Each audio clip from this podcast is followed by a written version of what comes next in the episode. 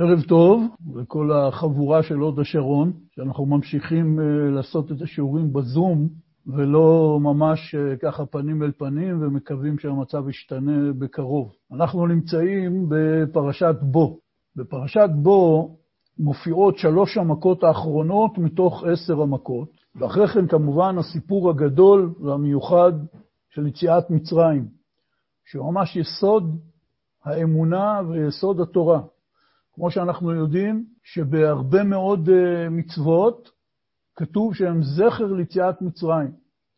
וככה אנחנו אומרים בקידוש של שבת ובהרבה מאוד מצוות אחרות, וכמובן זה נזכר בתוך קריאת שמע בפרשת ציצית, ובהרבה מאוד מקורות ופסוקים ומצוות שאנחנו אומרים או מתפללים, יציאת מצרים, זיכרון יציאת מצרים, הוא בעצם היסוד הגדול של כל התורה ושל כל האמונה. וכמובן שאנחנו נמצאים בפרשה הזאת, שהיא בעצם סוף הגאולה מן הגלות, שהרי בפרשת שמות מתוארת לנו הגלות. בפרשת וארא יש את שבע המכות הראשונות, עדיין אין גאולה. הפרשה הזאת, פרשת בו, היא פרשת הגאולה ממש. ואנחנו צריכים להתבונן בכל העניין הזה של הגלות ושל הגאולה, ובמיוחד שזה ממש יסוד כל האמונה. והנקודה שאנחנו נתמקד בה היא אמרה של צדיקים שנאמרה על ידי הרבה מאוד מגדולי ישראל, מהמהר"ל מפראג וגדולי החסידות, ובספר ליקוטי ההלכות של רבי נתן מברסלב, הוא גם כן מדבר על זה. והאמרה אומרת כך, עשר המכות באו לחבר את עשרה המאמרות עם עשרת הדיברות. ונסביר. נתחיל דווקא מעשרה מאמרות. כתוב במסכת אבות, בעשרה מאמרות נברא העולם. וההסבר הוא מאוד פשוט. בבריאת העולם, כמו שכולנו זוכרים בוודאי, בספר בראשית, בפרשת בראשית, כתוב, ויאמר אלוקים ואז כתוב מה הוא עשה. ויאמר אלוקים תדשא הארץ דשא עשב, וכן הלאה. כלומר, כל תהליך הבריאה נעשה באופן כזה שהקדוש ברוך הוא אמר משהו, והדבר הזה נתהווה ונתקיים, וככה נבראה כל הבריאה. וחז"ל אומרים לנו פשוט, תסתכלו במעשה בראשית ותראו שיש שם עשר פעמים ויאמר אלוקים. אלה עשרה המאמרות, עשרה מאמרות של הקדוש ברוך הוא שאמר וזה נהיה. אבל האמת שאין שם עשר, יש שם תשע. אם תסתכלו בפסוקים תראו. אלא אומרים חז"ל, בראשית ברא אלוקים, זה גם כן מאמר. כלומר, בבראשית יש אמירה, אבל זה נקרא מאמר סתום. כלומר, לא מופיעה שם המילה ויאמר, אבל גם זה נחשב אחד מעשרה המאמרות. כלומר, עשרה המאמרות פירושו הדרך שבה השם יתברך ברא את העולם. אבל האמת שיש כאן סוד עוד יותר עמוק, מפני שכמו שאנחנו אומרים בברכות קריאת שמע, מחדש בטובו בכל יום מעשה בראשית. הקדוש ברוך הוא ברא את העולם לא באופן שפעם הוא אמר משהו והעולם נהיה, ומאז העולם ממשיך לפעול, אלא הקדוש ברוך הוא מחדש בכל יום בטובו מעשה בראשית. כלומר, עשרת המאמרות האלה שהקדוש ברוך הוא אמר ונהיה, הם ממשיכים לפעום בבריאה. הקדוש ברוך הוא ממשיך לברוא את הבריאה בכל רגע מחדש. זה דומה, נגיד את זה בסוגריים, לנוסח שאנחנו אומרים בברכות התורה. אנחנו אומרים, אשר בחר בנו מכל העמים ונתן לנו את תורתו, ברוך אתה השם נותן התורה. עכשיו, אם נתבונן רגע בנוסח של הברכה, לכאורה זה מאוד מוזר, כי אנחנו אומרים אשר בחר בנו מכל העמים ונתן לנו את תורתו, בלשון עבר. אנחנו נקרא בעוד שבועיים את פרשת יתרו, שם מתואר מתן תורה, מתן תורה היה בש... ביום ו' בסיוון, בשנת בית אלפים תמ"ח. יש לנו תאריך ויום מדויק מתי התקיים מתן תורה. אנחנו יכולים לספור לעצמנו מהרגע שאנחנו עומדים פה היום, אחורה כמה שנים, כמה חודשים, כמה ימים וכמה שעות וכמה דקות עברו מאז מתן תורה. יש לנו נקודת זמן מאוד מאוד מדויקת. אז זה הגיוני שנגיד אשר נתן לנו את תורתו, מפני שאנחנו יודעים מתי האירוע הזה יתקיים. אבל בסוף הברכה אנחנו אומרים, ברוך אתה השם, נותן התורה. לא אומרים ברוך אתה השם שנתן תורה. נותן זה לשון הווה. וההסבר שמסבירים לנו כל הצדיקים, שנותן התורה פירושו שמתן תורה מתרחש בכל רגע ורגע מחדש, בכל נשמה ונשמה מעם ישראל. זה תהליך נצחי שלא נפסק. הוא לא נתון תחת העניין של עבר, הווה ועתיד. נסגור סוגריים. אותו דבר זה גם בתהליך בריאת העולם על ידי עשרת המאמרות. נכון שהקדוש ברוך הוא ברא את העולם במאמרות, ויש לנו תאריך של התחלת הבריאה, אבל הבריאה הזאת ממשיכה כל הזמן. לכן אנחנו קוראים לו הבורא, אנחנו לא קוראים לו הברא. הבורא במובן הזה של מחדש בכל יום בטובו מעשה בראשית. כלומר, עשרת המאמרות שהקדוש ברוך הוא אמר בבריאת העולם, וכל אחד יכול להסתכל ורצוי להסתכל מחדש בפסוקים שכתובים בתחילת פרשת בראשית, המאמרות האלה ממשיכים לפעום בבריאה בלי הפסקה. אבל מפני שהקדוש ברוך הוא בחר לברוא את העולם על פי דרך הטבע, ממילא נוצרת אצלנו אשליה, לא אשליה במובן השלילי. ככה הקדוש ברוך הוא רצה שנתפוס את העולם, שהעולם פועל על פי חוקים, ואז יש סיכון גדול שאני אחשוב שהעולם פועל מעצמו. מה שנקרא ביהדות מקרה. זה קרה במקרה. והמילה הזאת, שאדם מתבונן על העולם וחושב שהעולם הוא מתנהל על פי המקרים, חוקי המקריות, חוקי המקרים, זה הפך האמונה ממש.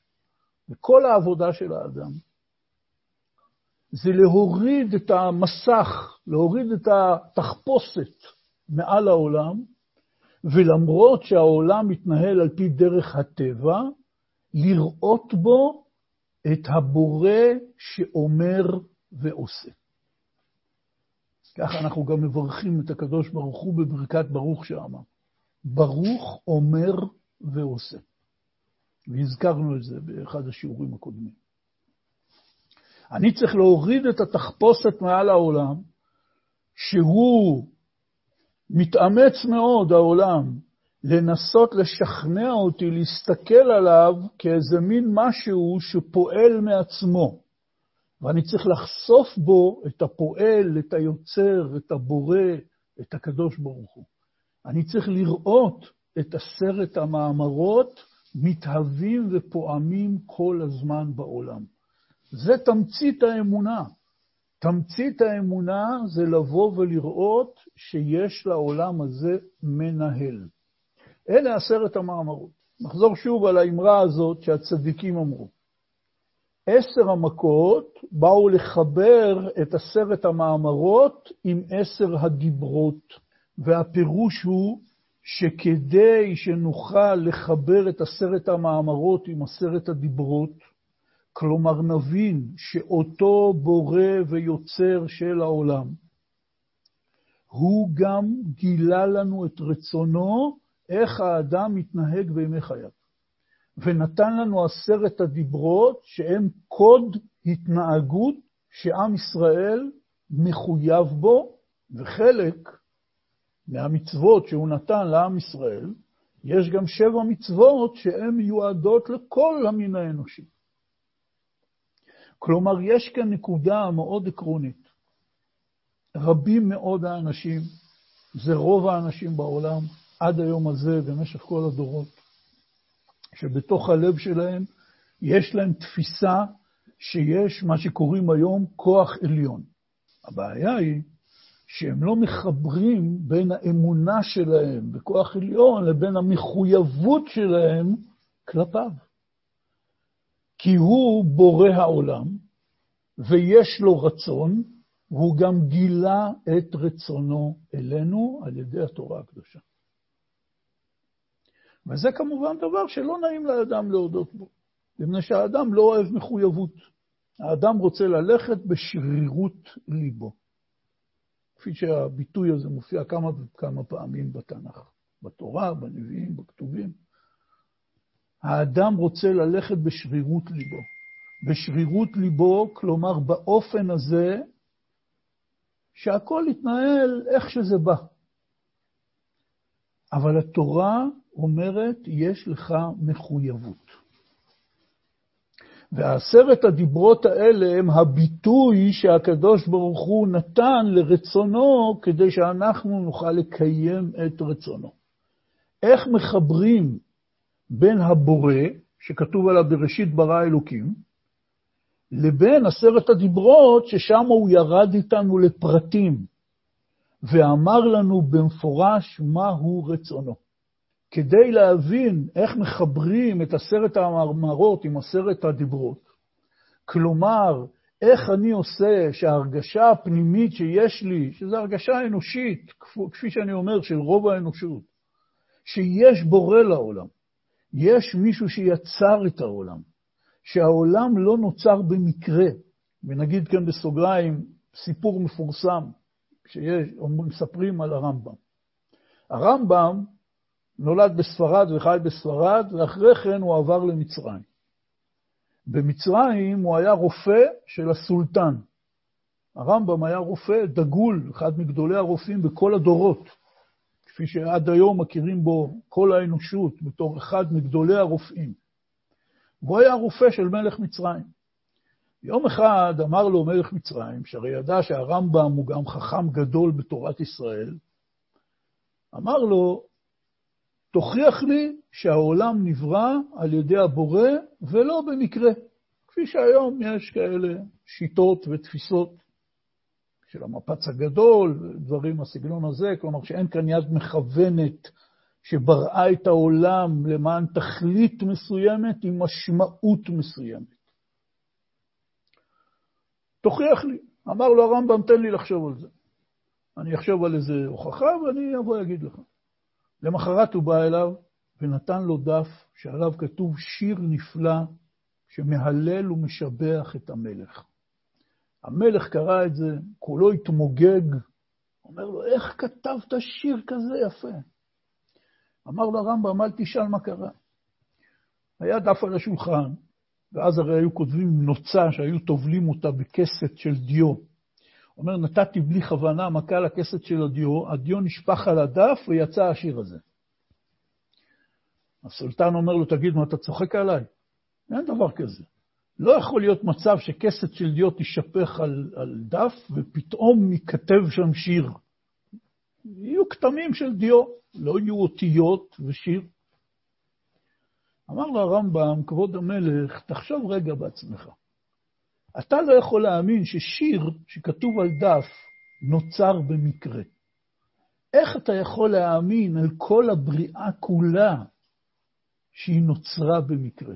וכל העניין הוא איך להחליט שלמרות שיש לי הרגשה בלב שבאמת העולם נברא על ידי יוצר, על ידי אלוקים, ולפי כל הסקרים הכי עדכניים כיום בעולם המערבי וגם במדינת ישראל, קרוב ל-70-80 אחוז מהאנשים מאמינים באמונה שלמה שהקדוש ברוך הוא ברא את העולם, ובארצות הברית, כשעושים את הסקרים האלה, אז נותנים לאנשים כל מיני אפשרויות איך להגדיר את אלוקים. אם זה סתם כוח עליון, כמו שאנשים אוהבים להגיד, תקרא לו הגורל, תקרא לו המזל, תקרא לו כך, תקרא לו כך. אז הם נותנים שם בסקר את האפשרות להגדיר, אני מאמין באמונה שלמה, שהעולם נברא על ידי האלוקים התנ"כי. ככה זה נקרא, Biblical God. כלומר, אלוקים כמו שהוא כתוב בספר התורה והנביאים והכתובים. ורוב האנשים מאמינים בזה. כל הבעיה של האדם זה איך לחבר את זה עם עשרת הדיברות, שגם כאן אנחנו כל כך רגילים לזה שאנחנו לא מתפעלים מזה. עשרת הדיברות נחשבות בכל העולם המערבי לפחות, בתור הביטוי של המוסר האוניברסלי. כלומר, המוסר שמשותף לכל בני האדם. אנשים מאמינים במושג עשרת הדיברות. נגיד כאן עוד סוגריים. יש חוקר ישראלי מאוד מפורסם בכל העולם, שקוראים לו פרופסור דן אריאלי. הוא חוקר של כלכלה ושל התנהגות אנושית. הוא כתב ספרים שנמכרו בעשרות מיליוני עותקים בכל השפות בעולם. יש לו רעיון בספרים שלו, שהוא מוכיח על פי מחקרים שהוא עושה בארצות הברית על סטודנטים ועל אנשים מכל מיני סוגים, איזה דברים משפיעים על ההתנהגות האנושית. לא ניכנס עכשיו לכל הפרטים. במחקרים שלו הוא הוכיח בצורה מדעית גמורה, שאם אתה עכשיו עושה מבחן לקבוצת נבחנים, ואם הם עונים על התשובות נכון, הם מקבלים איזה סכום של כמה דולרים. ויש להם אפשרות לרמות. הוא הראה שרוב האנשים מוכנים לרמות די בקלות אם מדובר על אה, סכומים קטנים. אבל אם לפני המבחן נותנים להם לקרוא איזה קטע שמזכיר להם שיש את עשרת הדיברות, הם מרמים הרבה פחות וכמעט בכלל לא. וזה כמובן סקופ גדול, שאפילו אנשים חילונים, שהם לא דתיים בכלל, ברגע שהם נזכרים שיש עשרת הדיברות, אפילו אם הם לא זוכרים אותם, הם מיד הופכים ליותר מוסריים. והוא מסביר את זה בתפיסה רציונלית פשוטה, לא קשורה לדת. שאנשים, רוב האנשים מאמינים, שעשרת הדיברות מייצגות איזה מוסר עליון שהוא יותר גבוה מכולנו, משהו מעבר. כי המוסר הרגיל בין בני אדם אומרים, זה לא יפה לעשות את זה, או זה לא פייר לעשות את זה. זה לא משהו מעבר, זה משהו שכאילו אנחנו לבד מרגישים בלב, במוח, אבל עשרת הדיברות מייצגות משהו עליון, מפני שרוב ככל בני האדם יש להם אמונה לא מעובדת, הם לא עיינו בה, הם לא נכנסו איתה לשאלות ותשובות, אבל הם מאמינים שעשרת הדיברות ניתנו על ידי הבורא והיוצר. וזה משהו צו עליון מוסרי, ולכן כאשר אתה מזכיר להם שיש צו עליון מוסרי, הם הופכים להיות אנשים יותר מוסריים. זה דבר שהוכח במחקרים של דן אריאלי שהתפרסמו בכל העולם. איך מחברים את האמונה שיש בורא לעולם, והעולם לא נוצר במקרה, אלא יש לו בורא שמנהל אותו וממשיך לנהל אותו, איך מחברים את זה לצו עליון מוסרי? והתשובה היא, במשפט הראשון בעשרת הדיברות, הדיבר הראשון מעשרת הדיברות, עשרת הדיברות מתחילות במילים, אנוכי השם אלוקיך, אשר הוצאתיך מארץ מצרים, מבית עבדים. זה המשפט הראשון בעשרת הדיברות. וגדולי חכמי ישראל הראשונים שואלים שאלה. לכאורה, היה יותר הגיוני שהוא יגיד, אנוכי השם אלוקיך אשר בראתי את השמיים ואת הארץ. כי צריך להסביר, לפי דעת רוב מוני המצוות, הרמב"ם ואחרים, המשפט הזה, אנוכי השם אלוקיך אשר הוצאתיך מארץ מצרים מבית עבדים, הוא מצווה בפני עצמו, כמו כל עשרת הדיברות. והמצווה היא מצוות האמונה. אנחנו מצווים להאמין בשם יתברך, שברא את העולם ונתן לנו את תורתו.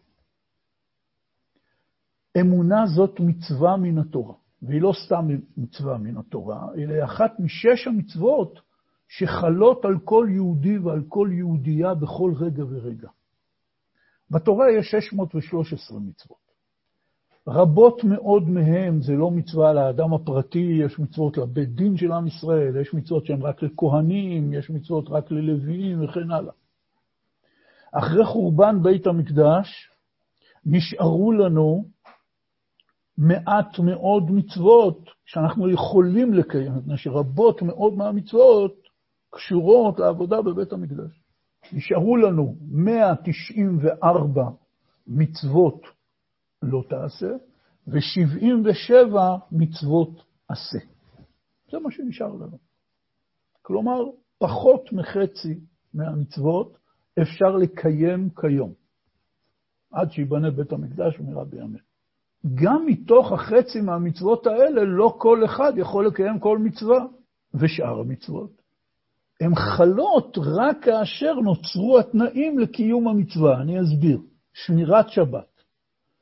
שמירת שבת זאת מצווה מן התורה, אבל אפשר לקיים אותה רק ביום שבת.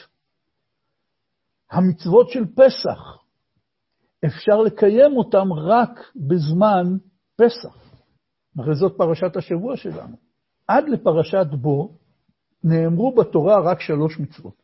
מצוות פרו ורבו שניתנה לאדם וחווה, מצוות ברית מילה שניתנה לאברהם אבינו, ומצוות איסור אכילת גיד הנשה, כלומר, שאסור לאכול את הגיד שנקרא גיד הנשה, שנמצא ברגלי הבהמות כאשר אנחנו אוכלים אותם, זכר לזה שהמלאך נגע בכף ירך יעקב. שלוש מצוות, לאדם וחווה, לאברהם וליעקב. עבר כל ספר בראשית, עברו פרשיות שמות וארא, אין שום מצווה. ופתאום בפרשה הזאת שלנו יש עשרים מצוות. מצוות עשה, מצוות לא תעשה. שרובן ככולן עוסקות בכל המצוות של ליל הסדר. מה עושים בליל פסח? כי בכל ליל ט"ו בניסן, בכל שנה ושנה, התורה ציוותה עלינו לעשות את מה שאנחנו מכנים בשם ליל הסדר, להתקבץ בחבורות ומינויים ומשפחות, ולאכול את קורבן הפסח ואת המצה ואת המרור ולספר ביציאת מצרים. בליל הסדר יש בעיקרון ארבע מצוות, אכילת קורבן פסח, אכילת מרור, אכילת מצה וסיפור ביציאת מצרים. אבל על קורבן פסח יש עוד מצוות רבות שקשורות בו שמופיעות בפרשה.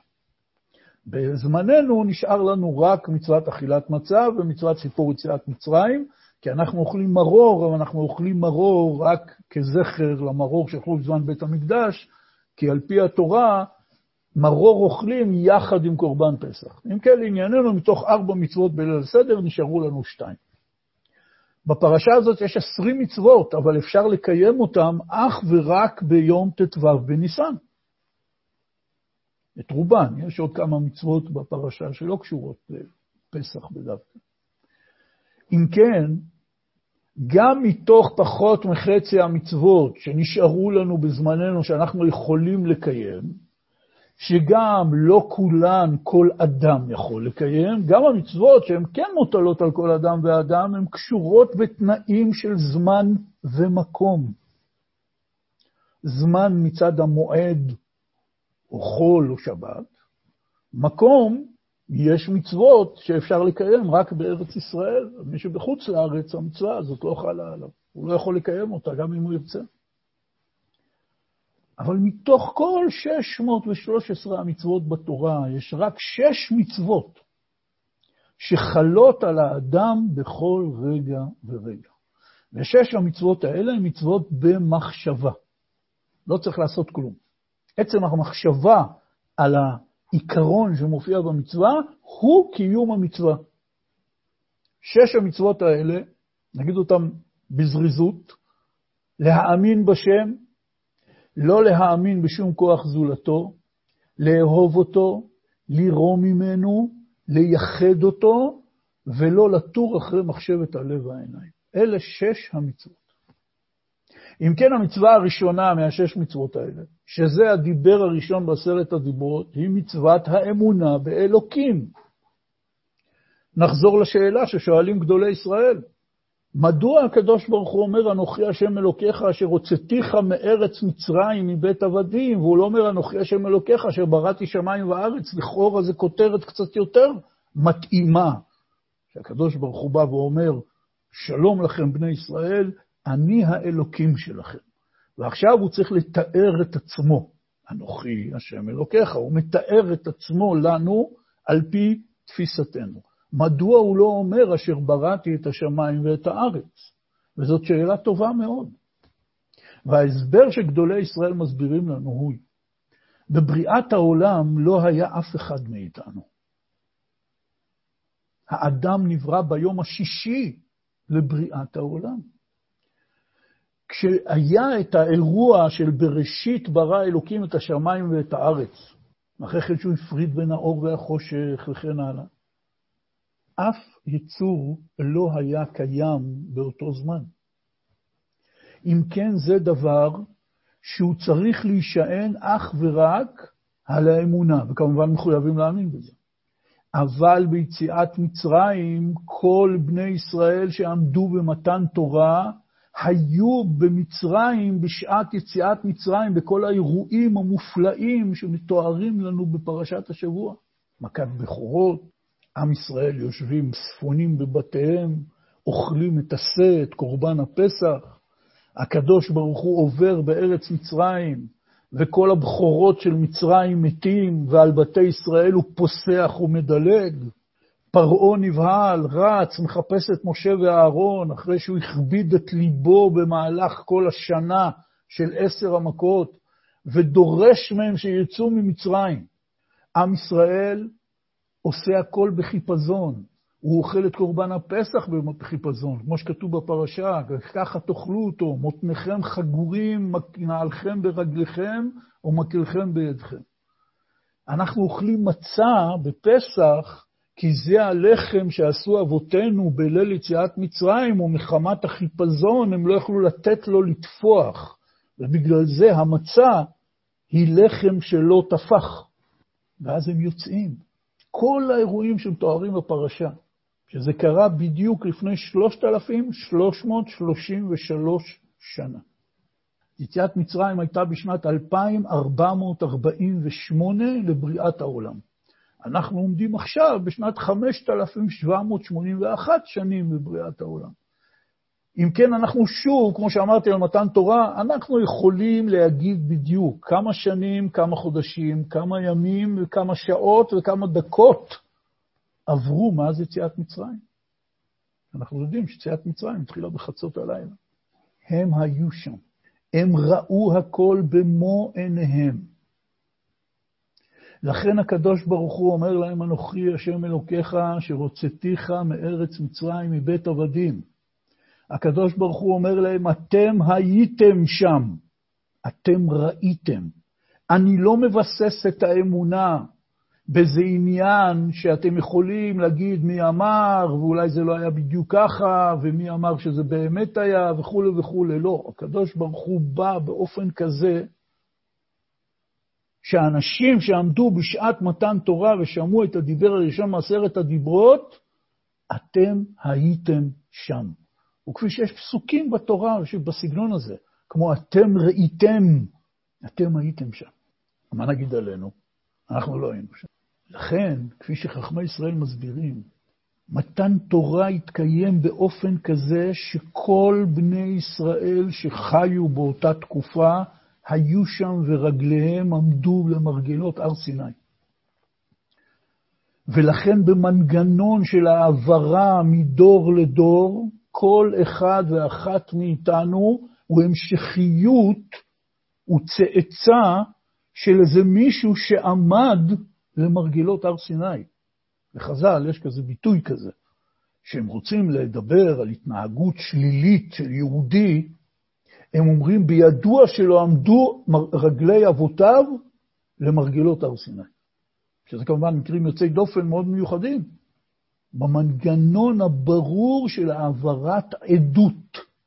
מעולם לא קם בעם ישראל, מתוך מיליונים ועשרות מיליונים יהודים שחיו לא חופף וכן חופף במשך כל תולדות העולם מאז מתן תורה לפני 3,333 שנה, מעולם לא קמה קבוצה בעם ישראל שאמרה, לא נכון, לנו לא סיפרו כזה דבר, סבא שלי לא העביר לי כזה דבר, אין.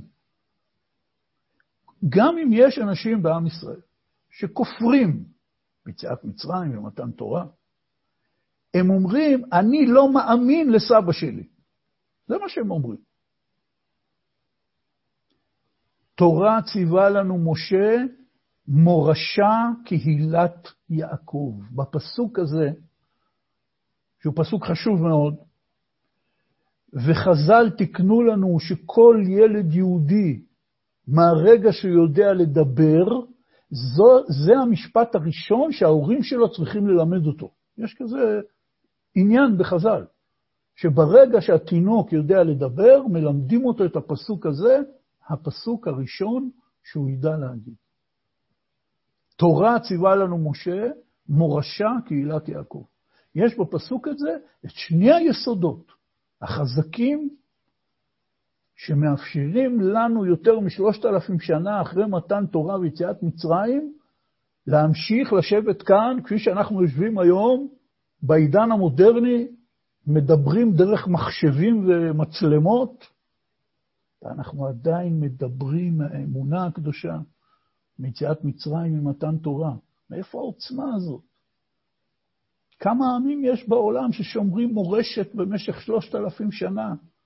מורשת של אמונות, מורשת של סיפורים, מורשת של מסורות. כמה עמים יש כאלה בעולם, אם יש בכלל? כמובן, עם ההבדל העצום, שאצלנו זה מסורת ומורשת שקיבלנו מהבורא יתברך, ומסורות אחרות הומצאו על ידי בני אדם, אבל אפילו במובן הפשוט של לשמור דבר במשך שלושת אלפים שנה, זה דבר פלאי. ושוב אני אומר, אנחנו כך רגילים לזה שאנחנו לא חושבים על זה. וזה מראה על החשיבות של כל אחד ואחד מאיתנו, מפני שכל אחד ואחד מאיתנו הוא ש... חוליה בשרשרת שמחברת את הדור הקודם עם הדור הבא. ולכן כל מילה שאנחנו אומרים וכל מחשבה שאנחנו חושבים, שקשורה באמונה הקדושה, בבריאת העולם, ביציאת מצרים ובמתן תורה, היא העניין המרכזי שעבורו הגענו לעולם, להעביר הלאה. היום קוראים לזה להעביר את הלפיד מדור לדור. וזה מראה על החשיבות העצומה של כל אחד ואחד מאיתנו. מפני שאם יש שרשרת, גם אם יש בה מיליוני חוליות, ויש חוליות עבות וחזקות, ויש חוליות חלשות ולא כל כך מרשימות, אבל אם חוליה אחת תתפרק, השרשרת כולה מתפרקת. נחזור לעניין. תורה ציווה לנו משה מורשה קהילת יעקב, אלה שני היסודות. אחת, אמונת הנביאים והחכמים והצדיקים.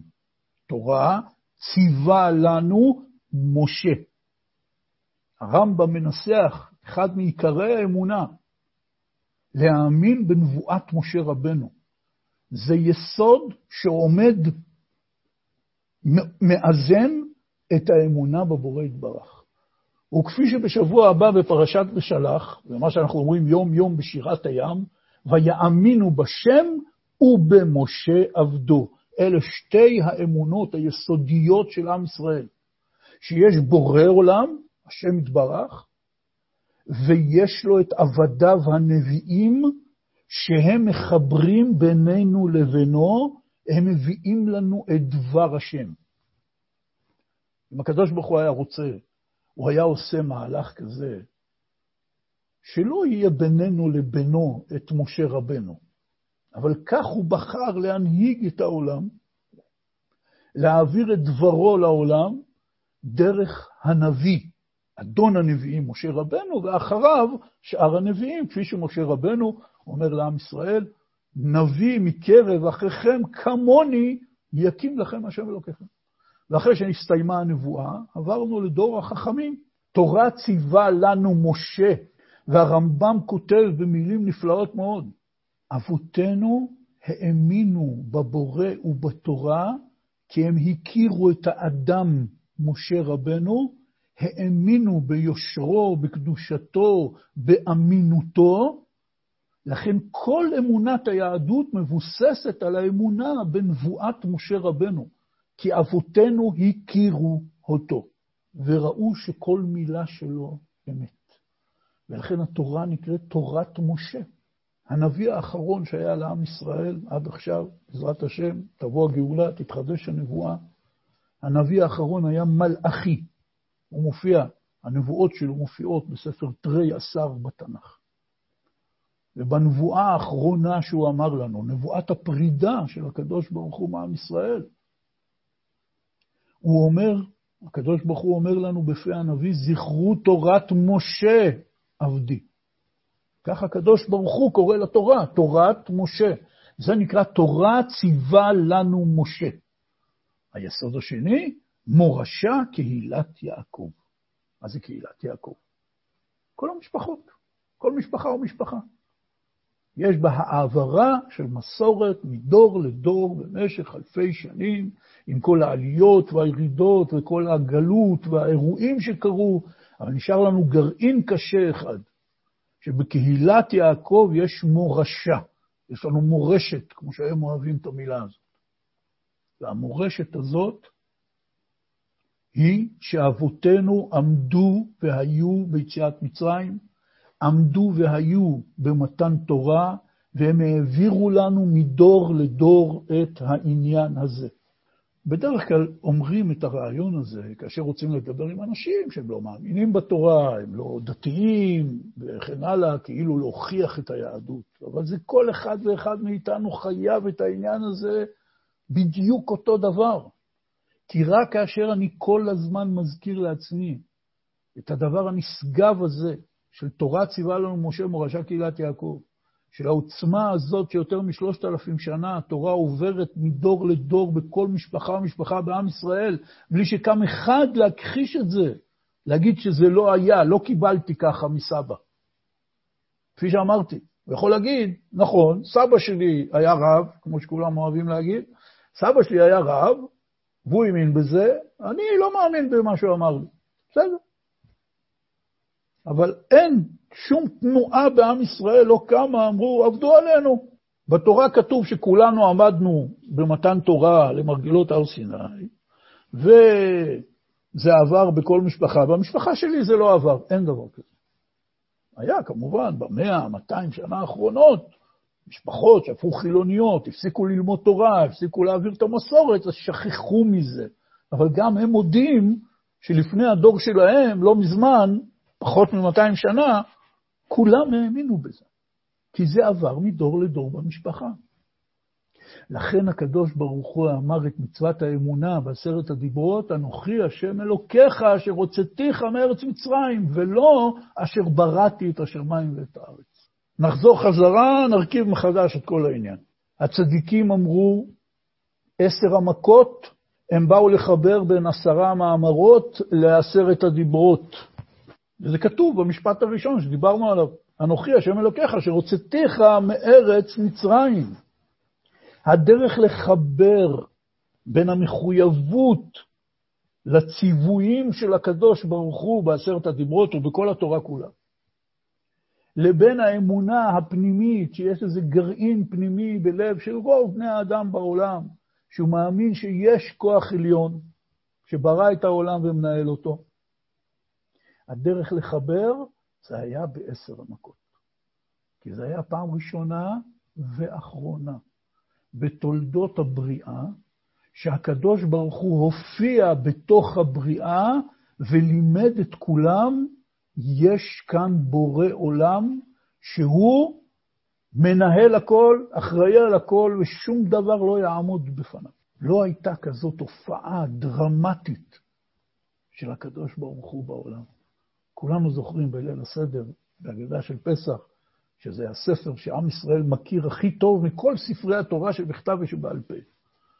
מפני ששומרים עד היום על המסורת הזאת, שלילה אחד בשנה מושיבים את כל המשפחה, מהילדים הכי קטנים ועד הכי זקנים, וקוראים את הספר הזה. זה הספר הכי ידוע והכי נקרא בעם ישראל, אגדה של פסח. אז גם אנשים שלא מכירים בכלל את התורה, הם זוכרים את המשפט הזה, שההגדה של פסח, שזה בעצם מדרש של חז"ל, חוזרת על הפסוק הזה, ועברתי בארץ מצרים, אני ולא שרף, אני ולא מלאך, אני ולא השליח. הייתה פה הופעה חזקה, מפני שהקדוש ברוך הוא מנהל את עולמו על ידי שליחים. זה פירוש המילה מלאך. פירוש המילה מלאך בעברית היא שליח. כשאני שולח שליח של פיצה, אפשר לקרוא לו בעברית מלאך הפיצה. מפני שהמילה מלאך בעברית כפשוטו פירושו שליח. הקדוש ברוך הוא מנהל את העולם על ידי שליחים, ברואים, רוחניים, שאנחנו מכנים אותם לשם מלאכים, שהם לובשים צורה ופושטים צורה, לא כמו כל התרבות הזאת הנוצרית שכל המלאכים זה ילדים עם כנפיים. יש מלאך שיכול להתבטא כתופעת טבע, ויש מלאך שגם לובש דמות של אדם. זה תלוי לפי השליחות שלו. וככה העולם, הקדוש ברוך הוא מנהל את עולמו. אבל ביציאת מצרים היה משהו חדש לגמרי. הופעה ראשונה ואחרונה של הקדוש ברוך הוא בבריאה, אני ולא מלאך, אני ולא שליח, אני ולא שרף. הופעה אדירה של אלוהות בתוך העולם הזה. ובכל עשרת המכות. הקדוש ברוך הוא הוכיח, עשה אותות ומופתים, זו המילה שהשם דברך השתמש בה. למען שיתי אותותיי אלה בקרבו, אות וסימן, שהקדוש ברוך הוא שולט בכל הארץ. כי פרעה אמר, מי השם אשר אשמע בקולו?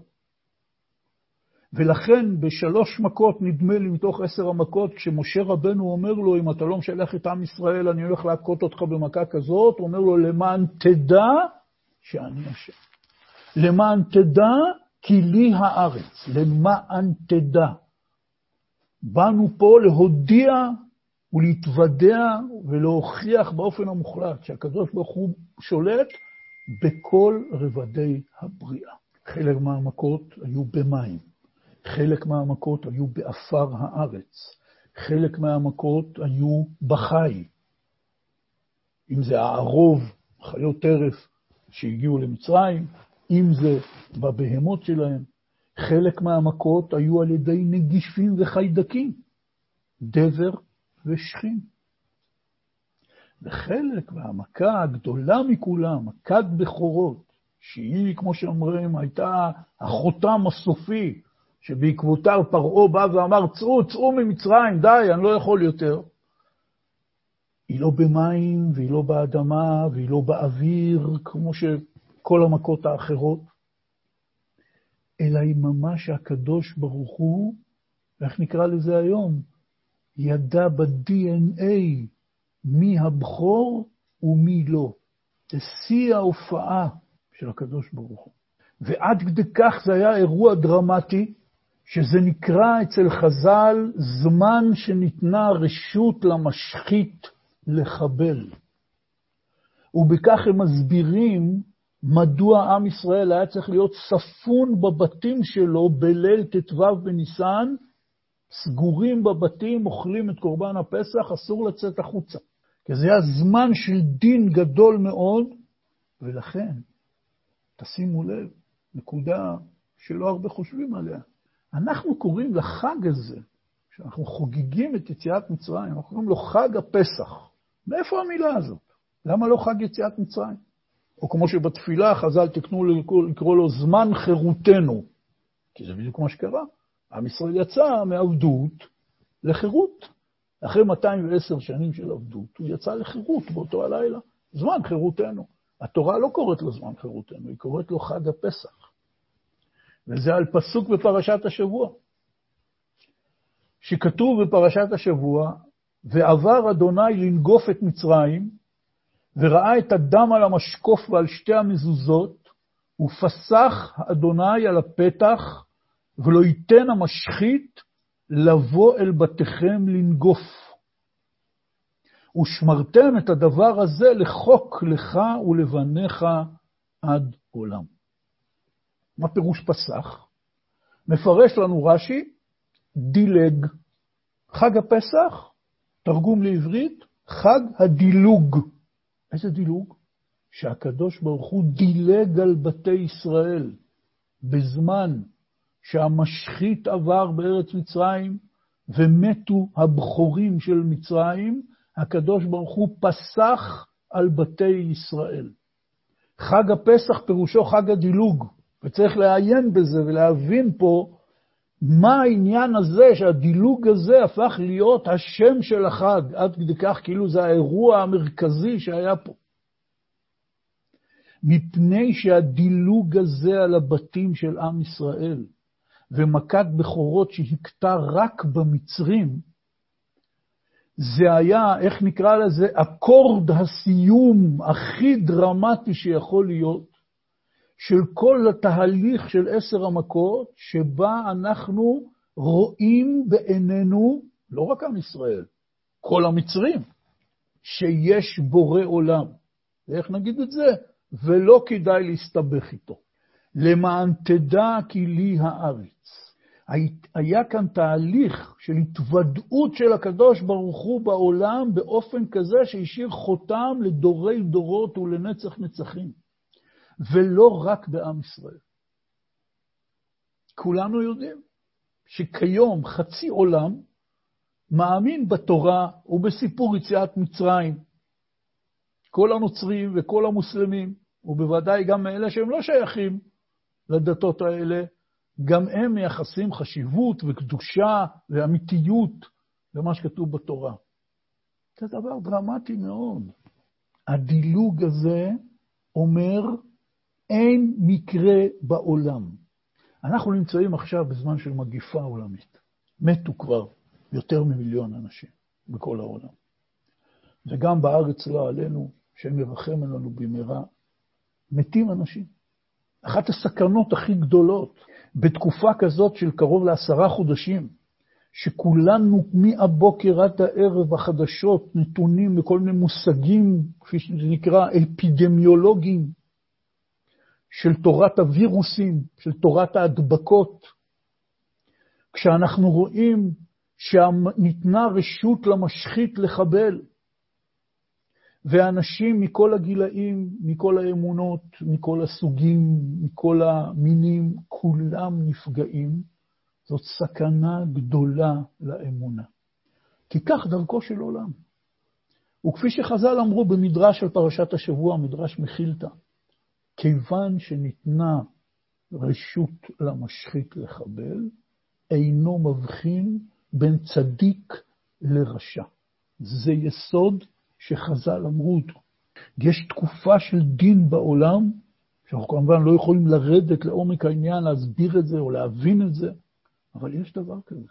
בליל יציאת מצרים היה דבר מיוחד במינו, שהקדוש ברוך הוא באופן חסר תקדים הראה איך הכל נעשה בהשגחת השם. גם היום, במגפת הקורונה, הכל נעשה בהשגחת השם. להכל יש חשבון. רק אנחנו לא מבינים את החשבון. אנחנו צריכים להאמין, והאמונה היא לפעמים קשה. כי אני צריך להתגבר על מה שאני רואה בעיניים שלי. אני צריך להתגבר על זה שכל החדשות הפכו להיות אחוזים, גרפים וסטטיסטיקות, שלא נדע, של אנשים חולים ואנשים מתים וכן הלאה. וכאילו הכל פה מתנהל כמו איזה מכונה. הכל עובד מעצמו. אמרנו, זאת הבעיה עם האמונה. הוא מאמין שיש בורא לעולם, אבל הוא אומר, עזוב, מאז עזב השם את הארץ, כמו שמופיע הביטוי הזה של הכופרים בהשגחת השם, יש השם, הוא ברא את העולם, אבל עבר, עזב השם את הארץ, ומעכשיו הכל מתנהל, יש פה איזה מנוע, איזה מכונה. וזה לא נכון. כי מחדש בטובו בכל יום מעשה בראשית. וחז"ל אמרו, אין לך עשב בעולם שאין לו מלאך שמכה עליו ואומר לו גדל. אנחנו מאמינים באמונה שלמה שאין תנועה אחת בבריאה. מהתנועות שאנחנו רואים מתחת למיקרוסקופ ועד התנועות שאנחנו רואים מתחת, מהטלסקופ, מגלקסיות מתפוצצות ועד אמבות שמתחלקות, הכל נעשה בהשגחת השם באופן מוחלט. כי הכל בידי שמיים. רק אנחנו לא מבינים את החשבון, אנחנו לא אמורים להבין את החשבון, ואין שום עניין שננסה להבין את החשבון, אלא העניין שלנו, תמים תהיה עם השם אלוקיך. כל מה שבא עליך, קבל בתמימות. ככה מפרש רש"י את הפסוק, תמים תהיה עם השם אלוקיך. מה זה בתמימות? באמונה שלמה. תמים פירושו שלם. וזה קשה, וזאת מלחמה. וכל אדם, גם מאמין גדול, עובר ניסיונות לא פשוטים בעניין הזה, לפעמים עשרות פעמים ביום. והוא עובר תקופות של אמונה שקצת נחלשת, ותקופות של אמונה קצת מתחזקת יותר. בליל יציאת מצרים, הדילוג על בתי ישראל במכת בכורות, זו הייתה הופעה אלוקית חסרת תקדים וגם לא הייתה אחריה. וזה דבר שאבותינו ראו אותו במו עיניהם. הם ישבו בבית, אכלו קורבן פסח, שרו שירים, כמובן סמכו עד לב השמיים שהגיע ליל הגאולה, והם שומעים מהבתים של השכנים את הבכיות של המצרים. יש פה איזו הבחנה שבדרך הטבע אי אפשר לעשות כזאת הבחנה. אי אפשר לעשות כזאת הפרדה בדרך הטבע. ולכן עשר המכות היו ההוכחה וההופעה האדירה של הקדוש ברוך הוא, שבעצם אין טבע. וכפי שכותב הרמב"ן, רבנו משה בן נחמן, המפרש השני הכי חשוב של התורה אחרי רש"י, מגדולי ישראל לפני 700 שנה בספרד, שעלה לארץ ישראל, הרמב"ן כותב בסוף פרשת בו, ומומלץ לכל אחד ואחת ללמוד את דבריו, יש שם קטע ארוך שהרמב"ן אומר, בוא אני רוצה להסביר לך מהי כוונת המצוות. למה הקדוש ברוך הוא נתן מצוות? אומר הקדוש ברוך הוא נתן מצוות כדי שבני אדם יכירו באלוהותו. למה הקדוש ברוך הוא עושה ניסים? כדי לנפץ את כל סוגי הכפירה. למה הקדוש ברוך הוא נתן לנו נביאים? כדי שאנחנו נראה שהקדוש ברוך הוא מנבא בני אדם. כלומר, הקדוש ברוך הוא מתגלה לבני אדם ומדבר איתם ונותן להם מסרים להעביר. אלה הוכחות שיש אלוקים. וממילא, אומר הרמב"ן, כל עבודתנו היא לבוא לפני הקדוש ברוך הוא ולהגיד לו, וזה הביטוי שהרמב"ן משתמש בו, ביטוי עמוק מאוד, בריותיך אנחנו. והוא אומר, זה משמעות ההתקבצות של יהודים בבית כנסת. שבאים קבוצת אנשים ועומדים לפני הקדוש ברוך הוא ואומרים, בריותיך אנחנו. אנחנו מודים באלוהותך, ואנחנו מודים לך על החסדים והניסים שאתה עושה איתנו. ואומר שם הרמב"ן, וזה הסיבה שיש לנו מצווה להתפלל בקול, להתפלל בדיבור, כי זאת עדות שאמורה קודם כל לעורר את ליבי, כשאני מדבר דברים בפה בקול רם, זה הרבה יותר מהדהד לי בתוך הלב מאשר מחשבות. וכאשר עומדים אנשים ביחד, הם ביחד מזכירים אחד לשני. זאת משמעות הקדיש. כל אדם נברא בעולם כדי לקדש שם שמיים. בן אדם גדול, בן אדם פחות גדול. כל אדם ואדם בחייו, גם עם מה שאנחנו מכנים היום איש פשוט בחיים שלו, עם משפחתו, עם חבריו, עם שכניו, עם בני אדם, הוא יכול לקדש שם שמיים ולגלות את מציאות השם בעולם. לפעמים בחיוך שהוא מחייך לאיזה יהודי אחר. ואנחנו מניחים מראש שאין מי שמשלים את משימתו בשלמות בחייו בעולם הזה, אז הוא נפטר מן העולם. עומדים הבנים שלו ומכריזים בפני הציבור, העבודה של אבא לא נגמרה. אנחנו כאן להמשיך את המשימה. יתגדל ויתקדש שמי רבה. הנה, אנחנו אומרים, יתגדל ויתקדש השם הגדול, שברא את העולם, וכן הלאה. זה התרגום של הקדיש. לכאורה מה הקשר בין הקדיש לבין נפטרים? הנוסח שאומרים בקדיש בארמית, אין לו שום קשר לזה שמישהו נפטר כאן. אנחנו אומרים פשוט, הדבר הכי חשוב בחייו של אדם זה המשימה שלו לגדל ולקדש את שמו יתברך. ולכן, עכשיו ההורים נפטרו, הבנים עומדים ואומרים, אנחנו ממשיכים במשימה, והנה אנחנו רוצים כבר לתת הצהרה. גדל והתקדש שמי רבו.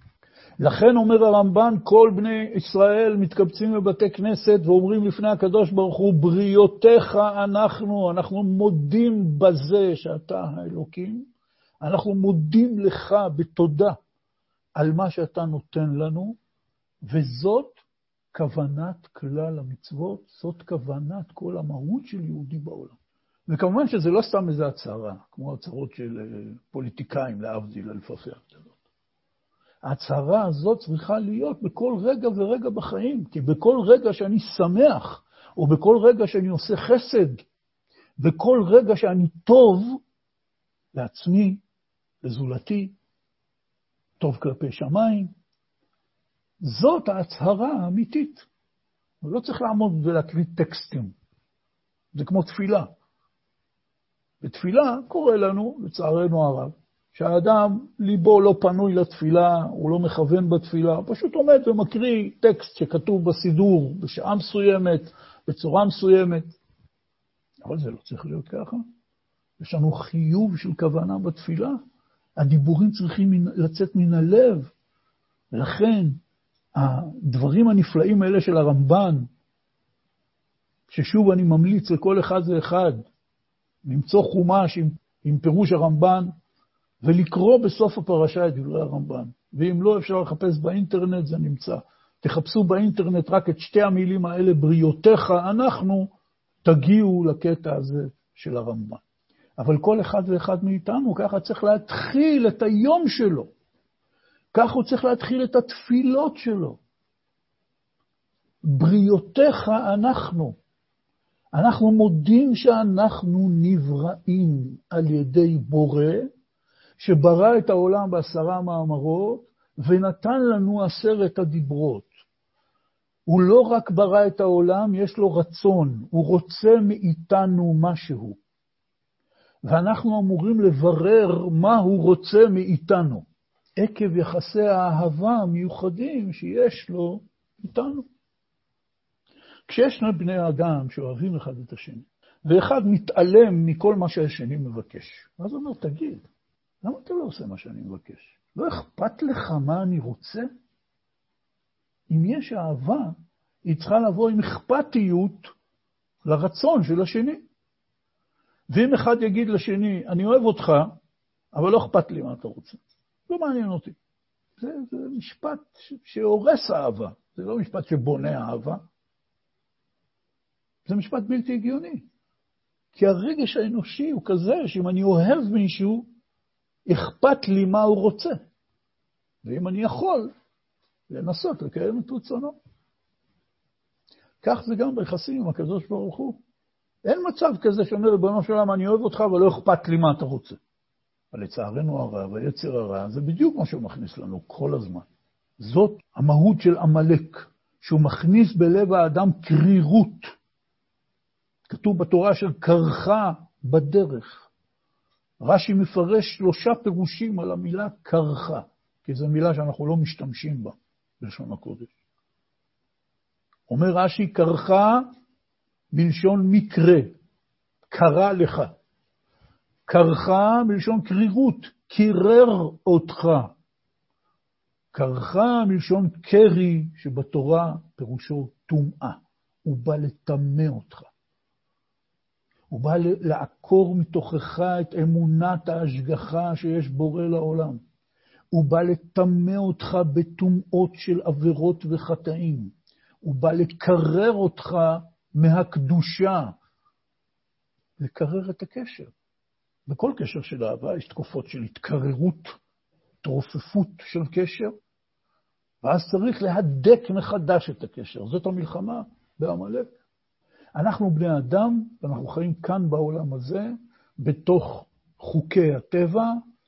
הידע שלנו מועבר לנו לא ברוח הקודש או בנבואות, אלא על ידי מורים והורים שמוסרים לנו מסורת מסוימת של ידע, מאיך עושים חביתה, דרך איך קושרים נעליים, ועד לדברים הגדולים ביותר.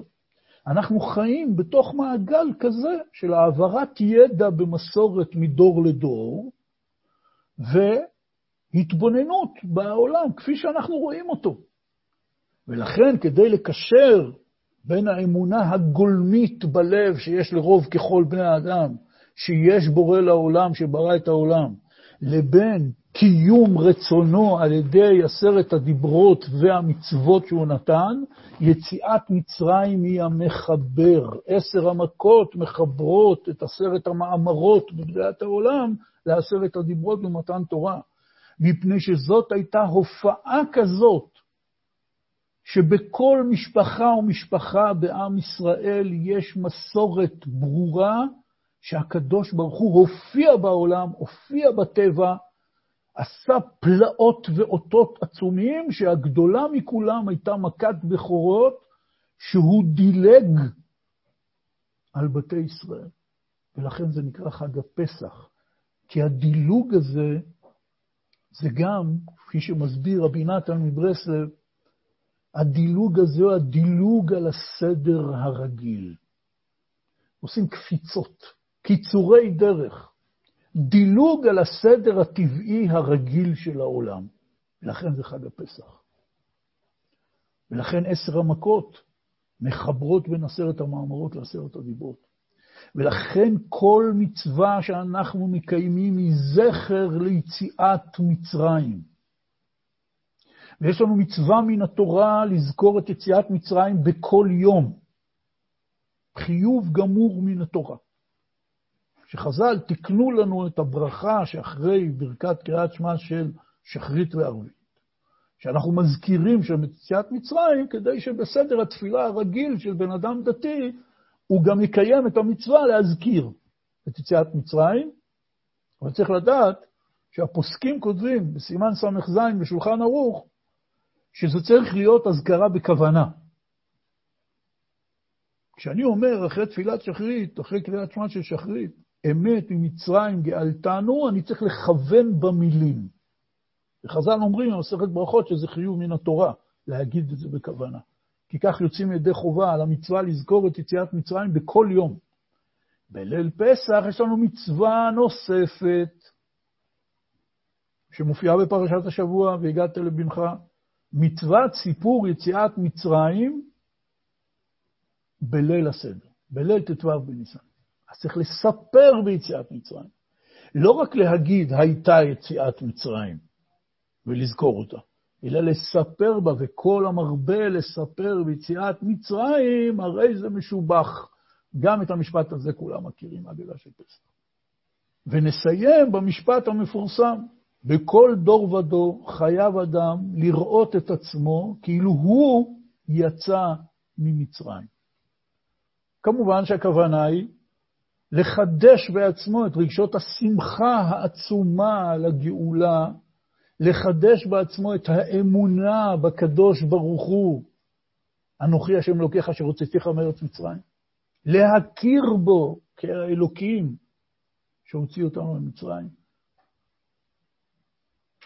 מצד הרגש, מצד המחשבה, מצד המסורת, מצד זה שאני חלק ממורשה, קהילת יעקב, כל הדברים הטובים. אבל היום למדנו עוד דבר. בכל דור ודור חייב אדם לראות את עצמו כאילו יצא ממצרים. בכל דור ודור, כל אחד ואחת מאיתנו צריך לראות את עצמו באופן כזה שאני מחבר על ידי יציאת מצרים את עשרה המאמרות עם עשרת הדיברות. אני דואג לזה שהאמונה שלי בבורא עולם היא תהיה מחוברת עם המחויבות שלי לבורא עולם. והחיבור הזה נעשה על ידי ההופעה העצומה והנפלאה הזאת שכתובה בפרשת השבוע, של הקדוש ברוך הוא כמלך גואל ופודה. ולכן פרשת השבוע היא פרשה כל כך יסודית לפני הפרשה של מתן תורה. כי היא מתארת את ההופעה הסופית של סיום עשרת, עשר המכות, שהתחילו בפרשה הקודמת, השלוש האחרונות, פרשת השבוע, גם מכת בכורות היא העיקרית. היא מחברת בין בריאת העולם לבין מתן תורה, ההכרה הזאת שיש בורא לעולם, וכל מעשה שנעשה תחת השמש, הכל ממנו.